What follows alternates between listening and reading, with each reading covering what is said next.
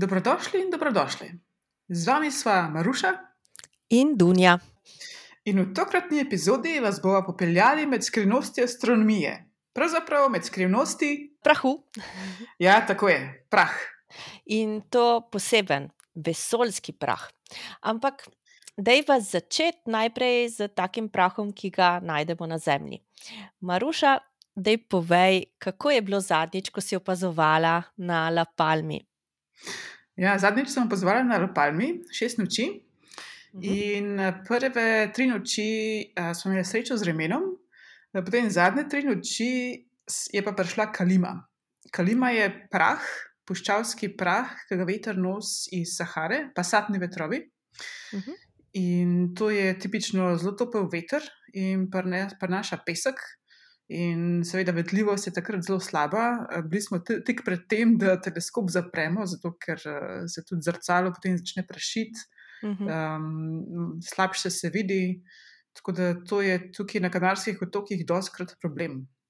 Aha, čeprav, so, čeprav so Kanarski otoki znani po tem, da imajo ogromno teh observatorijev, ne, na Palmi, ja. na Palmi je ogromno observatorijev, ampak še ja. vseeno. Ja. Še vsem uh, observatoriji so visoko v hribih, čez 2000 metrov, ampak veter prenese to tudi do takih višin. Uh, in tipično je takrat še bolj vetrovno, in uh -huh. potem tudi to je suho, suho okolje, in potem še pesek iz tal nosi naokrog. Tako da Se, kaj, običajno se teleskope kar zapre, v tem primeru pač ne delujejo. Um, ja, odvisno, imajo zgornjo mejo delovanja. Če je vrednost delcev v zraku nad neko mejo, potem je treba zapreti. Uh -huh. Se ta vrednost delcev v zraku, če se ne motim, je tudi uh, pomembna tudi za življenje ne, na, na, na Kanarskih otokih, tako da je potrebno stalno spremljati. Ja, ja, so monitori zraka, podobno kot drugi, kakovost zraka, s tem, da tukaj spremljajo še prah. Mhm. In letos je bilo, mislim, da januarja, je bilo precej hujš kot ponovadi, in uh, so bili tukaj kar precej noter. Sicer je tako, da domačini tukaj so precej navajeni, pa jih to ne moti več, zato ker se to tokrat dogaja, da nekako ne moreš vsakodnevno stalno biti doma in spremljati tega. Pač Greš ven. Pa. Če nisi občutljiv, mislim, da, da se da. Če si pa občutljiv, pa se vidi to malo drugače. Hmm.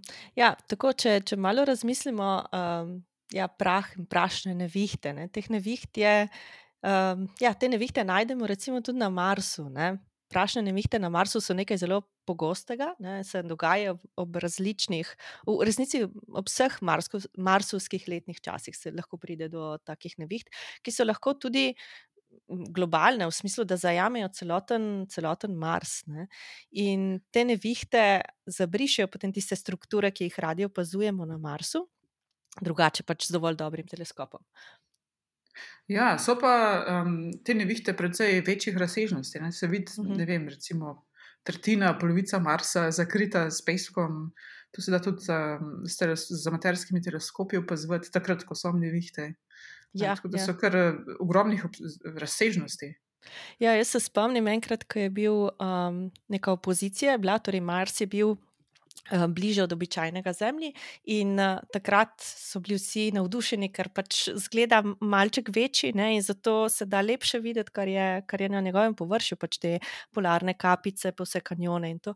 Ampak neč, v tistem trenutku, ko je bil res najboljši viden, se je, je prišlo do ene take nevihte, da ni, ni bilo kaj. Ni bilo kaj. Tam, ja. tam pač se ni dalo več opazovati vseh teh stvari. Vse je fajn, Mars, ampak potem, ko postane vse rdeče, pač nimaš kaj gledati kot rdečo piko. Uh, ja. Tako da ja. In predstavlja tudi problem, ne? problem za, uh, za vse roverje, ki delujejo na podlagi solarnih panelov. Um, če se ne motim, ja, no, to, to, um, to se dogaja. Ne? In recimo enega izmed roverjev, to je Opportunity, so leta 2018 tudi izgubili.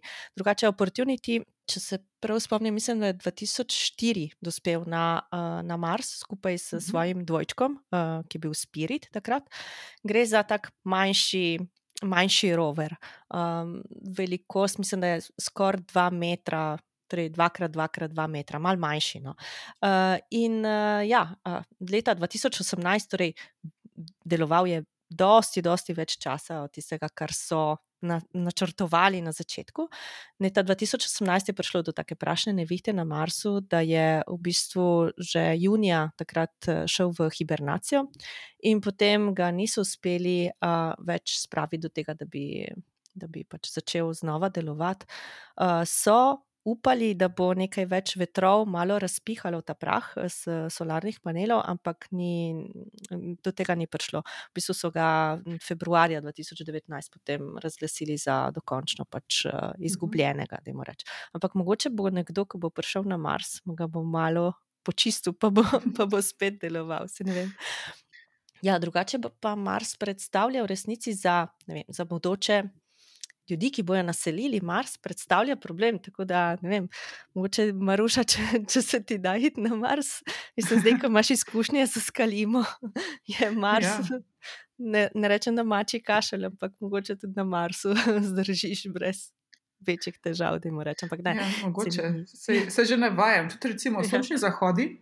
Uh -huh. uh, so, uh, kot tukaj Kalima, peščeni vihar, uh -huh. uh, so drugačni. Sonce je, lahko celo s prostimi očmi, ker sonce zelo nizko na nebu, ga sicer ne vem, če je to zelo varno, mhm. ampak um, se da za par sekund s prostimi očmi ga videti in je uh, precej bolj rdeč. In tudi na Marsu ne, je sončni zahod uh, drugačen kot tukaj. Ja, ja, zato ker. Deluje malo drugače, zaradi tega, ker je, uh, ker je prah prisoten v atmosferi, drugače Marsova atmosfera Eh, bistveno bolj redka od, od uh, zemljine, ne? ampak ker so prisotni um, delci prahu, uh, malo više v atmosferi, se dogaja to, da lahko z Marsa gledamo, so, gledamo, gledajo v tem primeru sonde, ki so na Marsu, oziroma roveri, pač poslikajo sončeve zahode, ki so modre barve.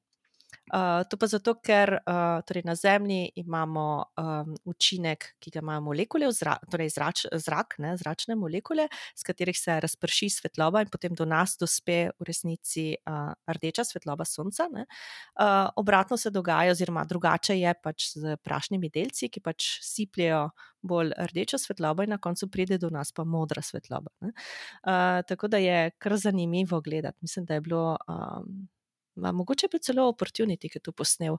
So posneli na ja, tak, možno, ja. ja, uh, en tak sončev uh, zahod, sicer nekaj slik, potem so to grafično še dodatno obdelali in sestavljen tak lep, zelo lep video. Uh, mogoče ga lahko dava v, v zapiske, ja. ker je tak res tako. Da, mislim, da je bil tak božični video, da so ga potem uh, nazage takrat delili okrog in je bil tak zelo ne vem, no, zelo tak, ki ustvarja atmosfero no, z drugega planeta v tem primeru. Ja, ja, ja lepo je se spomnim te modre slike, modre zahod in zdi, da res ja. tako.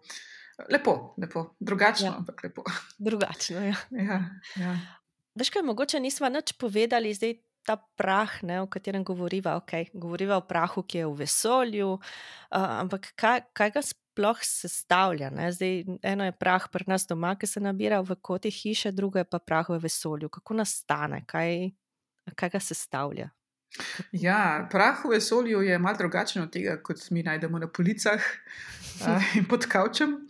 Uh, ta prah je sestavljen iz različnih elementov, ampak um, recimo najdemo um, oglik, kisik, železo, silicij, magnezij in tako naprej. Uh, nastaja pa, um, te elemente nastajajo v zvezdah, vemo, da uh, uh mhm. -huh. zvezde preko jedrskih reakcij proizvajajo te elemente. Uh, in sicer um, zvezde, ki so že zelo stare, urjakinje, in potem, ko te zvezde se napihujejo in v zunanjih vojnicah tudi zunanje vojnice se razpihujejo in tam nastaja prah, in tudi um, oddajajo, oziroma razpihujejo te elemente v medzvezdni prostor. In potem tam je pa zelo hladno, in potem se ti elementi začnejo sprejemati skupaj v prah.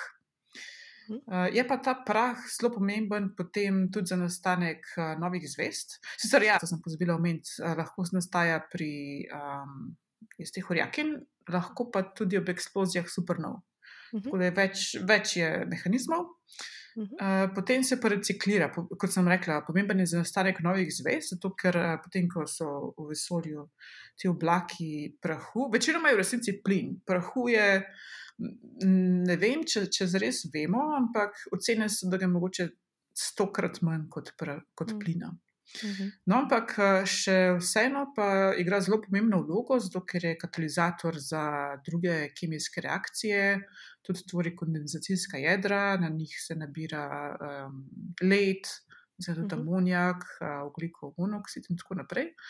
Uh, no, in igra pomembno vlogo tudi pri um, krčenju ogromnih oblakov plina in prahu. Mhm, mhm, mhm. In um, iz tega potem nastanejo nove zveze. Tako da to je neka reci, reciklacija oziroma kroženje materijala v vesolju. Torej, iz, iz novih oblakov plina, ne, potem, pač, kjer je Ja. tudi prah prisoten, nastanejo nove zvezde. Med drugim, tako, če, če malo pomislimo, ne, na začetku prvi elementi v vesolju, to običajno rečemo, da so to vodik, helij. V bistvu težjih elementov ni, kar pomeni, da je bilo prvo vesolje precej čisto. ne.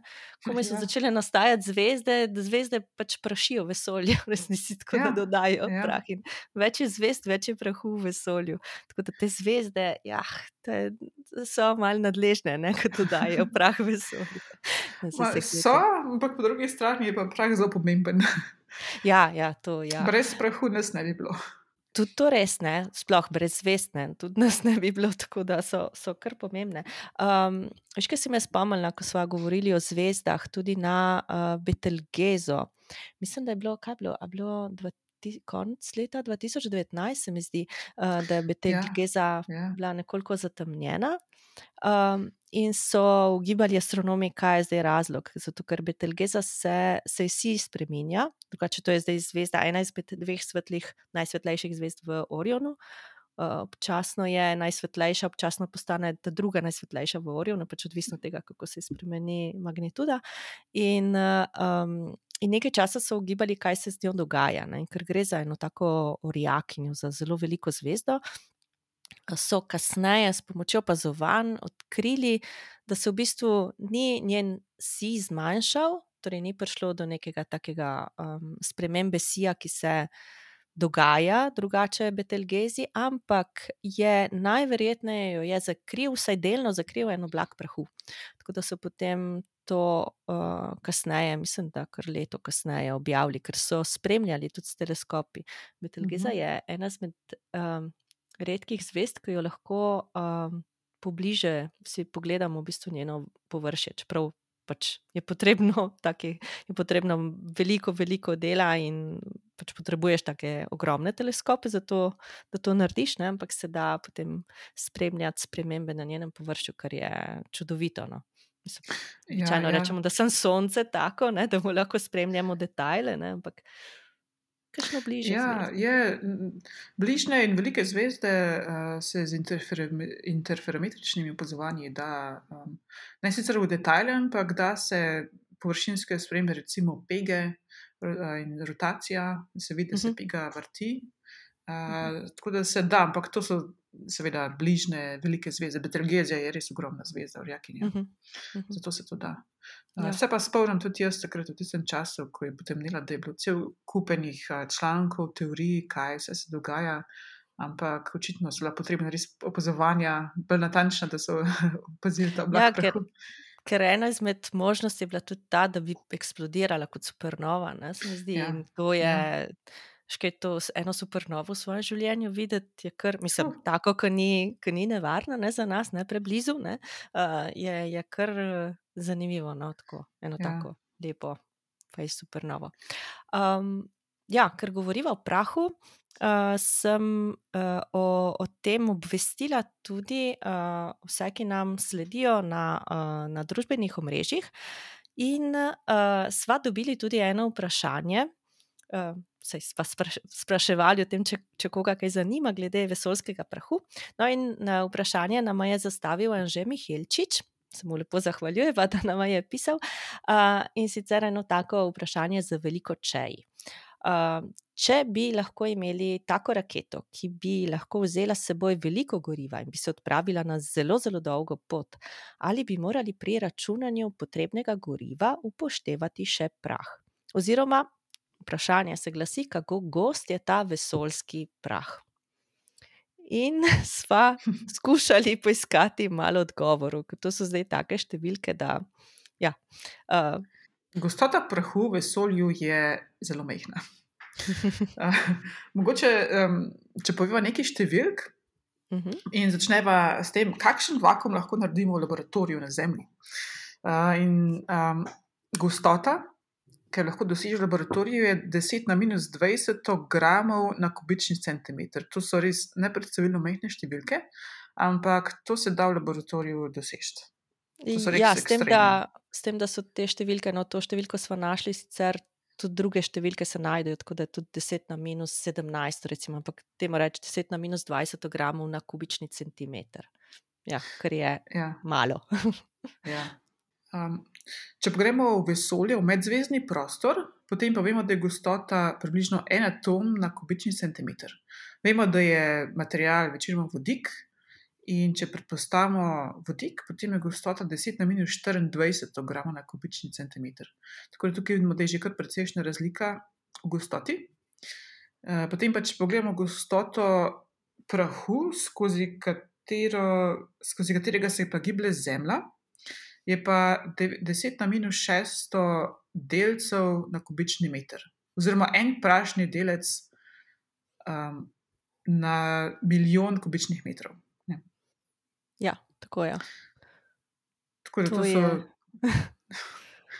Tako da bi mogoče za, za zdaj, ki smo. Ko smo povedali vse te, vse te številke, mogoče na koncu, ja, eh, prahu je, izredno malo. Tako da, če bi se res odpravili na tako zelo, zelo dolgo pot z neko raketo, eh, bi verjetno imeli že prvič težavo, seveda, z gorivom. Ampak dajmo reči, da, da imamo pač neskončno goriva, mm, prah ne bi tako dosti vplival očitno na to uh, našo zelo, zelo dolgo pot, ker ga je res, res zelo, zelo malo. Ja, to mislim, da, da se lahko zanemar, da imeli prej večje probleme z neskončnim gorivom. ja, tako je. Um, so pa, ko že govorimo o tem, um, so bile pa odprave oziroma sonde uh, za iskanje prahu v vesolju. ne? Mhm. Ja. Uh, torej, ena izmed teh je recimo Stardust, ne, ki, je bila, uh, ki je bila misija, ki je bila namenjena nabiranju prahu, uh, kometarnega prahu. Uh, se je zapeljala, če se ne motim, uh, k kometu Wild 2. In je uh, zraven kometa pobrala prah uh, z njegove kome, torej z, da ima reči, prah, ki, se, mm, ki odleti iz površja, no, ki postane kot neke vrste hm, atmosfera, da ima reči prahu uh, tega, tega kometa. No. In uh, je utegnila potem nabrati tale prah uh, in ga potem odnesti nazaj uh, torej na Zemljo. Uh, tako da ja, je. To, to, se, to se počne v, v astronomiji, torej se, se nabira, se skuša nabrati delce, delce prahu. Poleg drugih misij, ki pa recimo so uspeli vem, pristati ali pa pobrati tudi, um, tudi material iz, uh, iz asteroidov. Recimo. Če se ne motim, Osiris Rex je ena teh misij, uh Mhm. -huh. ki, ki je bila namenjena na asteroide. Ne. Tako da tisto so pa res materijali na površju. Ne. To v tem primeru pri Stardust, Stardustu, kot eh, ime pove, je bilo prav iskanje, iskanje prahu. Ne. Uh, sicer pa mislim, da moramo to poudariti, da komet je tipično, uh, mislim, da odvisno, kje, koliko daleč od Sonca so, ampak če pridemo Ja, ja, blizu seveda. Sonca, um, lahko opazimo dva repa. Ne? Mhm, ja, tako je. Torej, poleg kome, ki se, uh, ki se ustvari okrog kometa, ne, imamo še prašni in plinski uh, rep. Um, zdaj, ta prašni rep v bistvu so delci, pač, ki se odcepijo. Pra, prah, ne, ki, ki pač ga pusti komet, eh, ko, ko, ko gre po svoji, pač po svoji poti, po svoji orbiti. Uh, plinski rep pa je, so v bistvu plinski delci, ki izhajajo iz kometa in ki jih, uh, za katere ionizacijo poskrbi, uh, poskrbi Sonce. In zato je plinski rep običajno odmaknjen od Sonca, medtem ko je prašni rep pač tisti, ki kaže na, uh, nakazuje nekje pot, uh, pot kometa. Tako da ne vem, leta. A bilo leta 96, uh, ko je bil Hale Bopp, 97, 97. ne vem. Ja, mogoče. Uh, takrat, je, ko je bil komet Hale Bopp, se mu je izredno lepo videlo, torej ta dva repa, ki sta odmaknjena, ne, torej sta eden pod kotom, glede na drugega, ne, nista nujno pod istim kotom. Um, uh, pardon, uh, nista, torej, ne, nista nujno v isti smeri, ne, ampak sta v dveh različnih smerih, pač seveda odvisno od tega, kje je zdaj komet na, na orbiti okrog Sonca. In, uh, in ja, je kar kar lepo no, to, to tudi doživeti. Tako da upamo, da bo kdaj tudi en tak ve, večji komet viden na, na, našem, na našem nebu. Ja, upajmo. Tudi jaz se spomnim Helbopa, to je bil res nepozaben prizor. Tako da mhm. upamo, da bo, da bo še kakšen. Uh, sicer pa govorimo, govorimo o tem, kako malo je prahu v vesolju, ampak ker so razsežnosti tako velike, uh, se še vse nekaj nabere. Tako da v resnici lahko prah vid, vidimo ga s prostimi očmi, lahko ne? v rimski cesti. Naprimer. Ja, vidimo, v bistvu vidimo, da prah nam ne dovoljuje gledanja, gledanja rimske ceste ponekod. Uh, če, če imamo srečo, da imamo uh, dovolj temno nebo, da lahko pogledamo res rimsko cesto, bomo opazili, da ponekod tudi ta svetu, pas zvest v resnici ima neke take luknje, v, um, vsebuje pač neke luknje oziroma neke temne predele. In ti temni predeli niso nič drugega kot v bistvu prah, ki je med nami in zvezdami in ki zastre torej pogled na, na, na, svetle, na svetle zvezde v, pač v ozadju. Ne. In recimo e, ena zanimivost glede teh temnih list, ki so v, v rimski cesti, je tudi ta, Uh, to sem pač pred kratkim tudi prebrala, ne, da so Inki, torej to južnoameriško ljudstvo, uh, so v resnici svoje ozvezdja postavili prav v rimsko cesto. In ta ozvezdja so sestavljali ti temni madeži na tem svetlem ozadju zvezd. Ne. Recimo so imeli vem, lamo, pa kačo, ptico, uh, še pastirja in tako dalje iz njih, njihovih starih, uh, starih legend. Ne. In torej, ta zvezdja niso običajno zvezdja, kot jih mi pojmujemo, kjer povežemo med sabo zvezde, ampak so temna zvezdja, ki se nahajajo na rimski cesti. To je kar, kar zanimivo, ker malo spremeni malo tisto, na kar smo, na kar smo navajeni, kar se nam zdi običajno. Ne. Ja, mi smo navajeni, da zvezde sestavljajo zvezde, ampak uh, tukaj so pa temne, temne lice uh, na svetlejšem ozadju rimske ceste. Imajo pa, recimo, umila si um, južnoameriška ljudstva, uh, tudi aborižini v Avstraliji, naprimer, imajo temno zvezdje in menda predvsej staroseljcev na južni polobli uh, ima uh -huh. take zvezdja. Uh, to pa zato, ker je na južni polobli se središče rimske ceste veliko bolj vidi, zato ker je više na nebu. Uh, in zato imajo tudi um, večinoma oni tako zdi. Vemo, da pri nas v Sloveniji recimo, je središče rimske ceste nizko nad obzorjem, tako da se to malo težje vidi. Imajo pa recimo aborižini um, emuja um, uh mhm. -huh. in je emuje tako ogromno ozvezdje, čez predvsej naših ozvezdij se um, razteza in oni se s tem pomagajo pri tem um, merjenju časa. Um, znajo napovedati, kdaj bodo emuji recimo, imeli jajca in da jih bodo takrat lovili, in kdaj morajo nehati, in tako naprej. Tako da imajo zelo um, povezavo tudi um, z resničnim življenjem. Um, so pa, um, recimo, zdaj, ko govorimo o teh temnih um, madežih na rimski cesti, to so tipično področje, kjer nastajajo nove zvezde. Tukaj je prah že tako gost, Mhm. da, svetloba, da je neprepusten za svetlobo, neprosujen. Uh, zaradi tega so, se pojavi kot temna, temna lisa. Mhm. In kaj lahko opazimo tudi v drugih galaksijah, to so običajno spiralne galaksije, oziroma spiralni rokavi. Ne? Recimo, če gledamo neko oddaljeno galaksijo strani, um, pa se mi zdi, da tudi Andromeda. Ja, ja, ja, ja, Andromeda. Tudi, ja. Da prah je povsod, celo vesolje je prašno. ja. uh, vidimo pa lahko tudi prah v Sončju.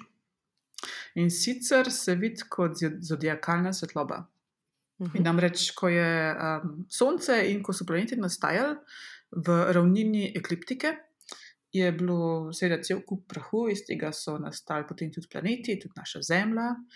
In še vedno obstajajo ostanke tega prahu, sicer je gostota veliko manjša, ampak eh, da se to videti.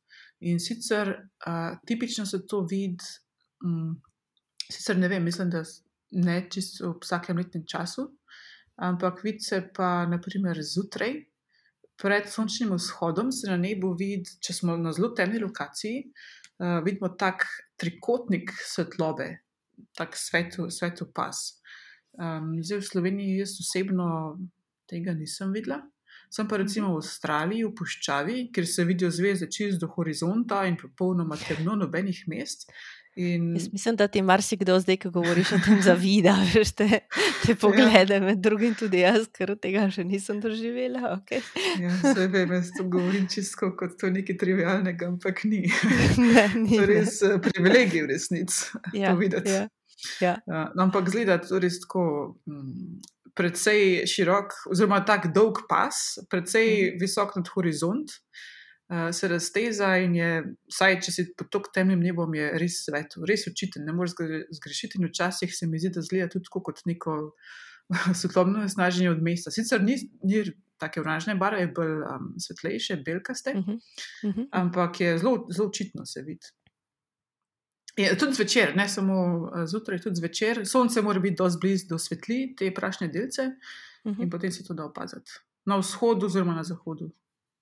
Torej, tisti, ki živimo v takih krajih, kjer je svetlobnega onesnaženja veliko, um, tega ne bomo doživeli, tako da je svetlobno onesnaženje tudi uh, pomemben faktor k temu, da, da je enega dela neba sploh ne poznamo, ne? sploh ne poznamo teh naravnih, uh, naravnih stvari, ki bi jih naj videli običajno, ampak jih ne. Ja.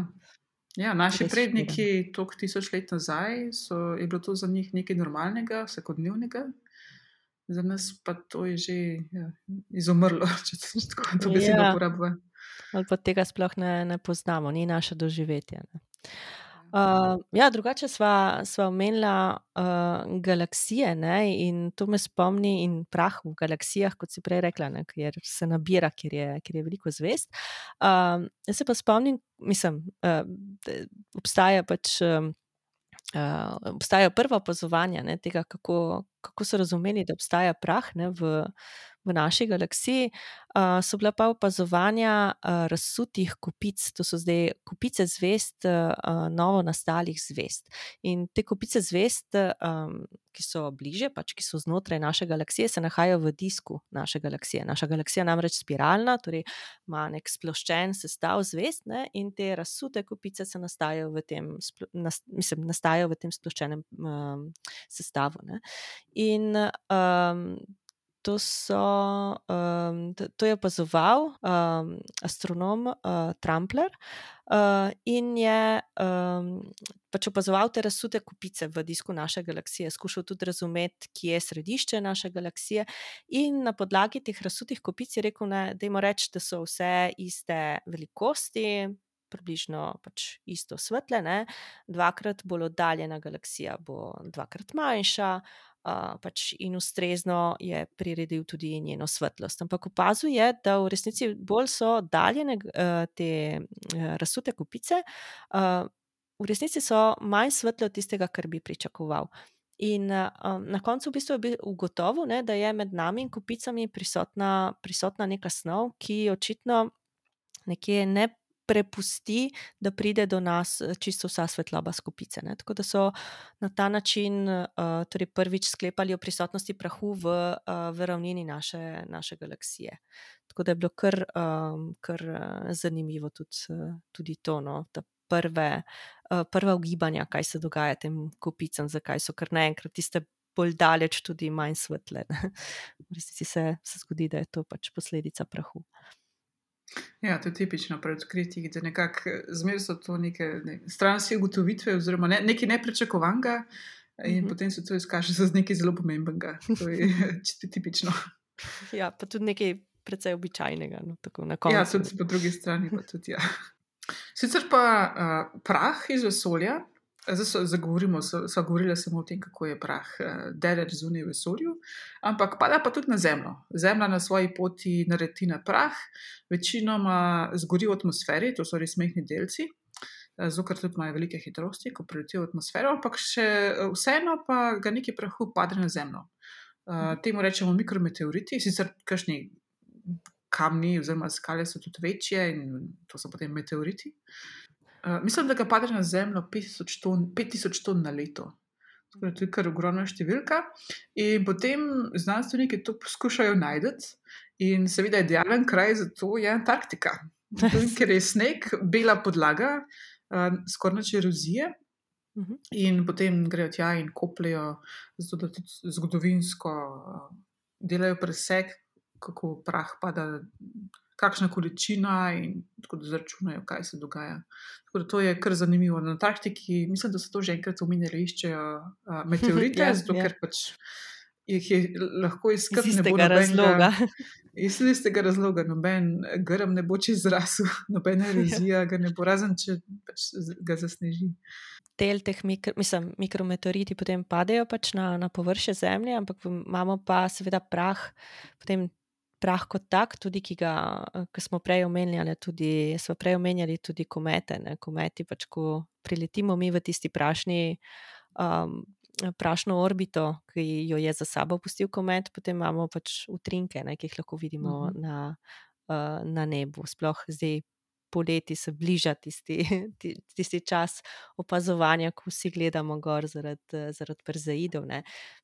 Še enkrat, pač, če nisva že, že prej, mogoče tukaj lahko tudi poveva, da je, da je veliko več meteorskih rojev, ki so običajno torej posledica pač tega, da gre Zemlja.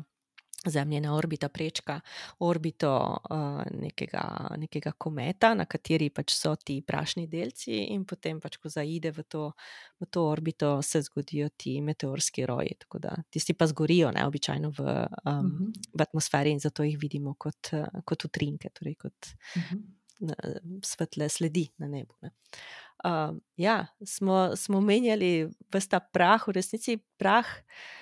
Eh, prah je bil tudi težava, uh, je predstavljal tudi delno težavo ne, za astronaute. Mislim, da mogoče smo to Ja. tudi enkrat omenjali. Ne? Ja, a, in sicer na Luni. Uh -huh. A, bilo je tako, da um, so, mislim, da ko so astronauti prišli nazaj, so najdel prah a, na koži. A, imeli so sicer skafandre, ki ne bi bili neprepustni, ampak potem se je izkazalo, da mm, je ta prah zelo oster.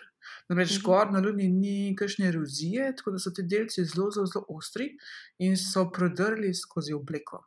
In so ugotovili, da je ta lu- lunarni prah v resnici zelo nevaren za ljudi, zato ker ne samo, da gre lahko skozi obleko, tudi uh, pod kožo, oziroma škoduje. In mislim, da so skoraj vsi astronauti potem nekako zboleli za, mi temu rečemo, seneni nahod, oziroma ne vem, kako bi to rekel, lunarni nahod. Imeli so neke težave, pol, ne vem, tako kot je alergija, nekaj tasga. Tako da prihod, za prihodnost bi mogli to upoštevati. Ja, ja, seveda, jaz mislim, da to, to že upoštevajo. Sploh, mislim, ali bojo šli, če bo šli najprej na Luno, pol na Mars, v vsakem primeru bo potrebno to nujno, nujno upoštevati. Ne, Sej, ne, ne samo za, uh, mislim, pretežno, no, seveda za, za ljudi, če bojo pač morali imeti take obleke, ki bo res uh, pač ne bojo prepustile, da bi, da bi ti prašni delci prišli noter. Uh, tudi za preostale, um, tudi za recimo za roverje ali pa karkoli se bo pač vozilo ne, po, uh, po Luni, recimo, uh, tudi tam je potrebno biti previdni pri, pri materijalih, ne, ki, jih, uh, ki jih uporabljaš, zato da pač lahko. Lahko, vem, da se ne pokvarijo ne vem, uh, ta kolesa. Recimo, ne, se tudi, uh, Mhm. tudi ti roverji, se mi zdi, sem prebirala eno v eni knjigi o Curiosityju, so prav lepo pač nanizane te slike, kako so se pokvarili, ne, pokvarile te, ta kolesa ne, zaradi zaradi tega, pač, ker, je, ker je rover A, ko res? premika Zaradi po, po? Marsu. Ja. Uh, mislim, da tam v tistem primeru mogoče tudi zaradi, zaradi skal ne, in seveda zaradi vsega uh, gibanja. Ne. Ampak ta gibanja so, um, ti, ti se gibljajo počasi v resnici, ne, tako da um, ni. Uh, ni čisto prah ne, v tem primeru, pač Mhm. ni, nisem posledica prahu, ampak sigurno pač nekaj, nekaj je na tem. Da, uh, in pa ne vem, kar, karkoli potem postaviš ne, na, um, na Luno, oziroma če smo že začeli, se že končamo na, z Marsom, ne, tudi na Marsu, ne moraš biti previden in vedeti, torej, da se lahko a, pač ti prašni delci in vetrovi, ne, ki se ustvarjajo na Marsu, ne govorim, ker Luna nima. Nima atmosfere na Marsu, kjer se ustvarjajo vetrovi, ti vetrovi lahko pač ta prah pošljajo v, v, v notranjost ne, teh, eh, teh roverjev in lahko še kaj poškodujejo zraven. Ne. Tako da treba biti posebej, posebej um, pozorni. Ja. prah je, ne vem, mislim, da smo omenili v bistvu vse, vse dele vesolja, kjer bi lahko našli prah, ampak verjetno se še kaj najde. Da... Najbrž prah je povsod, tako da si grem vse kaj izpustili. ja, ja, ja, sigurno, sigurno. Uh, ok, greva k novicam. Ja, tako. Um, greva k novicam.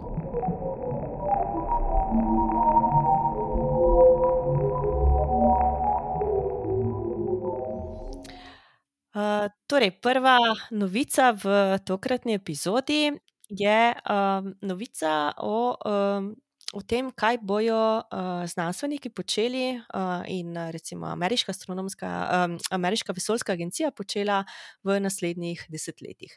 Namreč enkrat vsakih deset let um, sestavijo znanstveniki neke vrste priporočila za uh, naslednje desetletje raziskovanja. Temu se v angleščini reče Decadal Survey. To je običajno se izda tako veliko knjigo, oziroma obsežno knjigo, to je zdaj obsežen zbornik člankov in ta, o katerem govorim, šteje zdaj skoraj 800 strani. Um, in v tem zborniku so zbrana najbolj pomembna znanstvena vprašanja, na katere bi radi uh, poiskali odgovore v prihodnosti. In letos, aprila letos, je po dveh letih pisanja bil končno objavljen ta desetletni pregled oziroma desetletni, desetletna priporočila, oziroma priporočila za naslednjih deset let za planetarne znanosti in planetarne misije. Namreč eno tako, taka priporočila so bila že objavljena, kar se astrofizike tiče v letu 2020, in to so zdaj pač priporočila um, za Ameriško vesoljsko agencijo, ki zadevajo prav naše osončje, torej raziskovanje našega osončja. Uh, in predstavljajo nekje to sliko teh najbolj aktualnih vprašanj, uh, s katerimi bi se radi znanstveniki ukvarjali. Zdaj, v tem primeru so se osredotočili na tri glavne uh, teme. Prva je raziskovanje uh, torej nastanka Zemlje, osončja in tudi drugih planetarnih sistemov. S tem povezano. No? Potem druga tema je razumevanje, kako so nastali in se razvili planeti. Tretja tema je pa raziskovanje uh, pogojev za življenje, za nastanek življenja na Zemlji in uh, raziskovanje območij, kjer bi se lahko življenje uh, drugod v vesolju pač lahko razvilo. Ne. In uh, ta priporočila znanstvenikov so v resnici v, v tem zborniku res zelo konkretna, v smislu, da navajajo tudi finančno ceno uh, tega programa, ki ga predlagajo uh, ameriški vesoljski agenciji, uh, in predlagajo tudi več programov, pač odvisno od tega, kolikšna, kolikšna bo zmožnost financiranja. In uh, ena izmed zanimivosti ne, je, da se ta, ta program, ta priporočila ne osredotočajo več na Mars kot so se v preteklosti, ampak uh, in se, sicer z Marsom bo še vedno povezana neka misija. Za povratek tudi vzorcev z Marsa, ne, to je Mars Sample Return, in tudi neka srednja velika misija. Uh, ampak največja novost je pa priporočilo, da bi poslali na plinasti velikan, oziroma do plinastega velikana Urana, dve plovili. Eno naj bi uh, pač bilo v orbiti, drugo pa naj bi šlo v Uranovo atmosfero. In zakaj Uran? Uh, zato, ker je Uran planet, o katerem vemo še premalo, uh, ne poznamo recimo njegove notranje sestave in taki velikani, kot je Uran, so v resnici zelo pogosti v drugih osončjih. In zadnja misija, ki je Uran obiskala, je bila Voyager 2 leta 86, kar pomeni, da je zelo, zelo veliko časa minilo. Druga želja znanstvenikov pa je, da bi poslali misijo na Saturnovo luno Enkelat, ki, če se ne motim, je bila omenjena v zadnji epizodi. Zakaj Enkelat? Zato, ker je možno, da je v oceanih pod ledenim površjem. Uh, Mogoče no, tudi prisotno, prisotna neka oblika življenja. In torej se nekje skriva, skriva v, v tem podpovršju Enkelada, se skriva odgovor mogoče na vprašanja o življenjskih oblikah življenja uh, v našem osončju. V glavnem, v naslednjem desetletju uh, naj bi se tudi nadaljevalo, seveda, z raziskovanjem Lune uh, v sklopu programa Artemis. Da to je bila pač ta prikaz tega, kaj nas še čaka. Slišiš se zelo zanimivo, zelo obetavno. Ja. No, druga novica je pa povezana z naravovarstvom in sicer s svetlobnim onesnaženjem, ker vemo, da je velik problem tako v astronomiji, predvsem pa tudi za življenje na Zemlji. Vemo, za ljudi moti dnevno-nočni ritem spanja in pa seveda pri živalih, žuželkah, sesalcih, drugih živalih. No, in današnja novica govori o pticah selukah. In sicer v reviji Science je konec aprila šel zanimiv članek, ki opisuje projekt spremljanja, spremljanja ptic selivk v Ameriki. In sicer na Manhattnu v New Yorku je postavljen spomenik žrtvam 11. septembra, in v času obletnice ta spomenik osvetljuje zelo močno svetlobo. No, potem so z radarji, ki, s katerimi opazujejo vreme, ugotovili, da lahko opazijo tudi ptice, in so ugotovili, da se takrat, ko je spomenik močno osvetljen, v prvih 20 minutah od osvetlitve tam okrog zbere skoraj 16 tisoč ptic kar je problem, zato ker se zaletavajo in pač jih to moti. No, in sedaj je pa skupina ornitologov, ki jo vodi Andrew Farnsworth iz Univerze Cornell, vzpostavila eno spletno stran, ki napoveduje selitve ptic, imenuje se Birdcast, naslov bomo dodali v zapiske. no, in na podlagi tega lahko napovejo, kdaj se bodo ptice nahajale v bližini večjih mest, in takrat naj bi ugasnili luči. vsaj tiste luči, ki so v lasti mesta, seveda ne morejo nikogar prisiliti, ampak odločili so se, da bodo poskušali ugašati luči. no, in to zmanjša svetlobno onesnaženje. Res pa je, da to je šele prvi korak k reševanju tega problema. Ne bo rešil vseh težav, ampak vsaj neki korak je k reševanju. Ja, med drugim to s, s, s to, s to povezavo, ne, med pticami selivkami in tem svetlobnim onesnaženjem so, so v bistvu opozorili, ne, kako so svetlobno onesnažena vsa mesta, ne, in, in zdaj res se odločajo, recimo v New Yorku ali pa v tudi nekaterih mestih v Teksasu, so tudi preizkusno poskusili recimo samo nekatere luči pač ugasniti, ne. Sploh, kot si rekla, ne, če so v lasti mesta, je to bolj enostavno, ampak spodbujajo tudi, tudi posameznike, ne, da predvsem v sezoni, ko pride do selitve teh teh, ko pride do selitve ptic, da ugašajo luči, ne, ker drugače pač jih se, se ptice premaknejo s svoje poti in ne grejo v, v pravo smer, ne, tako da je mogoče, mogoče bo to nekje malo prispevalo vsaj k temu, da da, da se bo nekoliko omejilo tudi to nepotrebno mislim, smetenje neba z dodatno svetlobo, ki, ki je pač recimo ptice ne potrebujejo, ne, tako da. Zadnja novica je pa o, o svetlobi, ki prihaja od zelo, zelo, zelo daleč, iz prvih, dajmo reči prvih trenutkov zgodnjega vesolja, no, tako bom rekla, ne. Ker v astronomiji imamo en, en problem, ko iščemo odgovor na vprašanje, kakšne so izgledale prve zvezde ali pa prve galaksije v vesolju.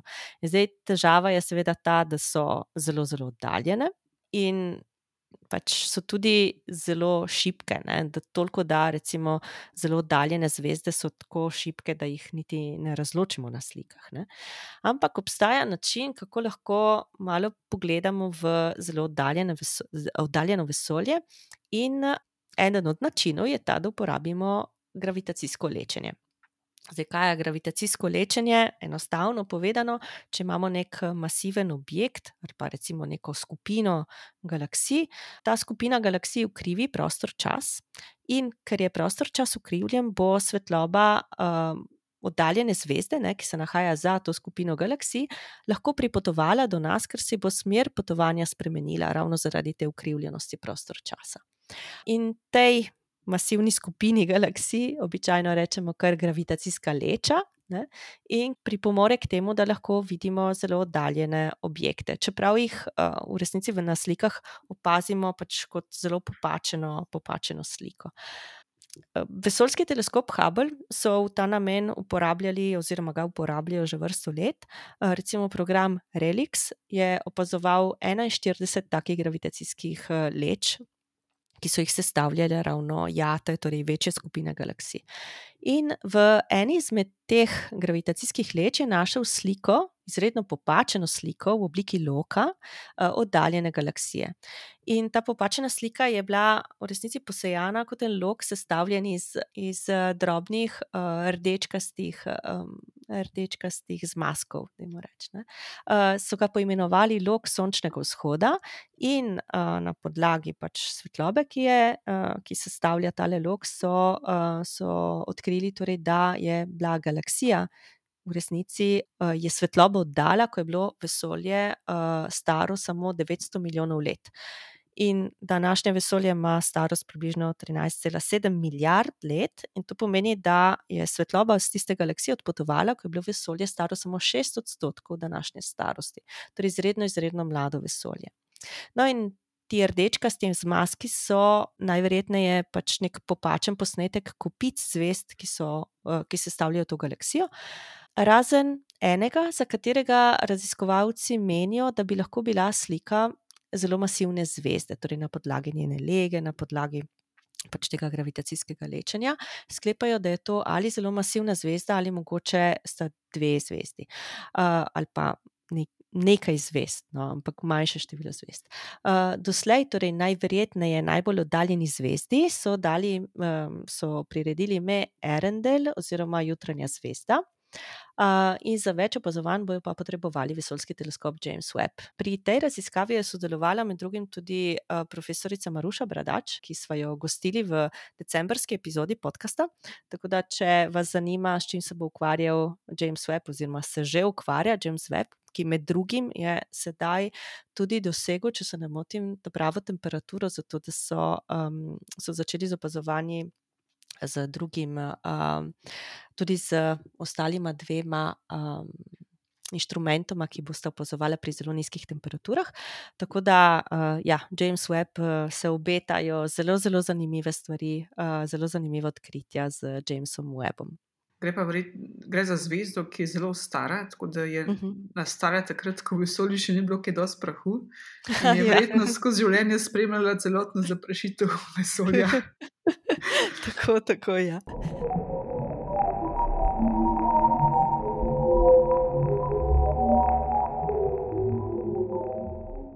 Bova kar prešli na, na aktualna opazovanja na nebu, toliko sva govorili o raznih teleskopih pa prahu in tako dalje, da mogoče lahko poveva še, kaj bo vidnega v, v tem mesecu.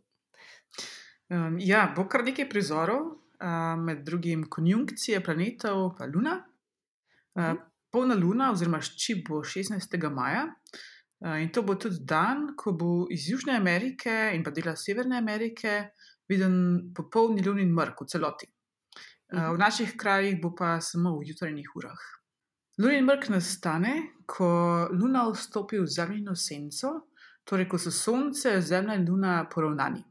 In ob takih mrkih vstopi luna, v resnici najprej v Zemljino polsenco in potem pa še v pravo senco. In, takrat, ko je v pravi senci, se lunina ploskev res zatemni, ne, da postane tudi bolj rdečkaste barve. ker se bo vstop lune v Zemljino senco začel, ko bo v naših krajih luna res zelo nizko na obzorju oziroma bo skoraj zašla, bi lahko ta najbolj spektakularni del, tisti, ki ga res vidimo, ne, spremljali samo par minut nad izredno nizkim obzorjem. Tako da, si bomo zelo verjetno ogledali tokrat pač samo posnetke astronomov, ki bojo dlje časa lahko opazovali ta, ta prizor. bo pa, bodo pa maja vidni vsaj še štirje jutranji prizori, ki se jih splača pogledati. Ja, recimo v nedeljo, to, to so vsi prizori, ki bojo v resnici v zadnjem tednu ali pa so navedeni v zadnjem tednu maja. recimo v nedeljo, dvaindvajsetega maja, dve uri pred Sončevim vzhodom, bo Luna v bližini planeta Saturn. V sredo, petindvajsetega maja, bo pa uh, uro, pred, uro in pol pred sončevim vzhodom Lunin krajec v bližini Jupitra in Marsa. V petek 27. maja bo uro pred sončevim vzhodom Venera v bližini tankega luninega srpa. V nedeljo 29. maja uh, bosta pa uro in pol pred vzhodom Sonca Jupiter in Mars tesno skupaj uh, in oddaljena bosta le za velikost Lune, čeprav se to zdi uh, pač. Majhno je to zdaj pol, pol stopinje. Ne? In jo boste lahko opazili nad vzhodno-jugovzhodnim obzorjem. Tako da to so zdaj prizori, ki jih navajava, so um, so opisani in jih je tudi nekaj več v uh, knjigi Glej zvezde, ki jo tudi priporočam, predvsem za tiste izmed vas, ki bi se radi začeli ukvarjati z astronomijo, ki še ne veste, mogoče kam bi se ozrli, uh, in vam ta knjiga mogoče da kakšen napotek, uh, kdaj in kaj opazovati. Sploh uh, običajno, torej planete, konjunkcije, uh, luno, luno, ki prečka kakšen, uh, kakšno zanimivo ozvezdje. Tako da se splača najprej pogledati in začeti z takimi opazovanji. Z, s prostimi očmi, potem pa, v primeru, da vas zanima, se seveda lahko odločite tudi za nakup uh, teleskopa ali pa binokularja. Torej, toliko o tem, za, za o tem majskem mesecu za, za danes.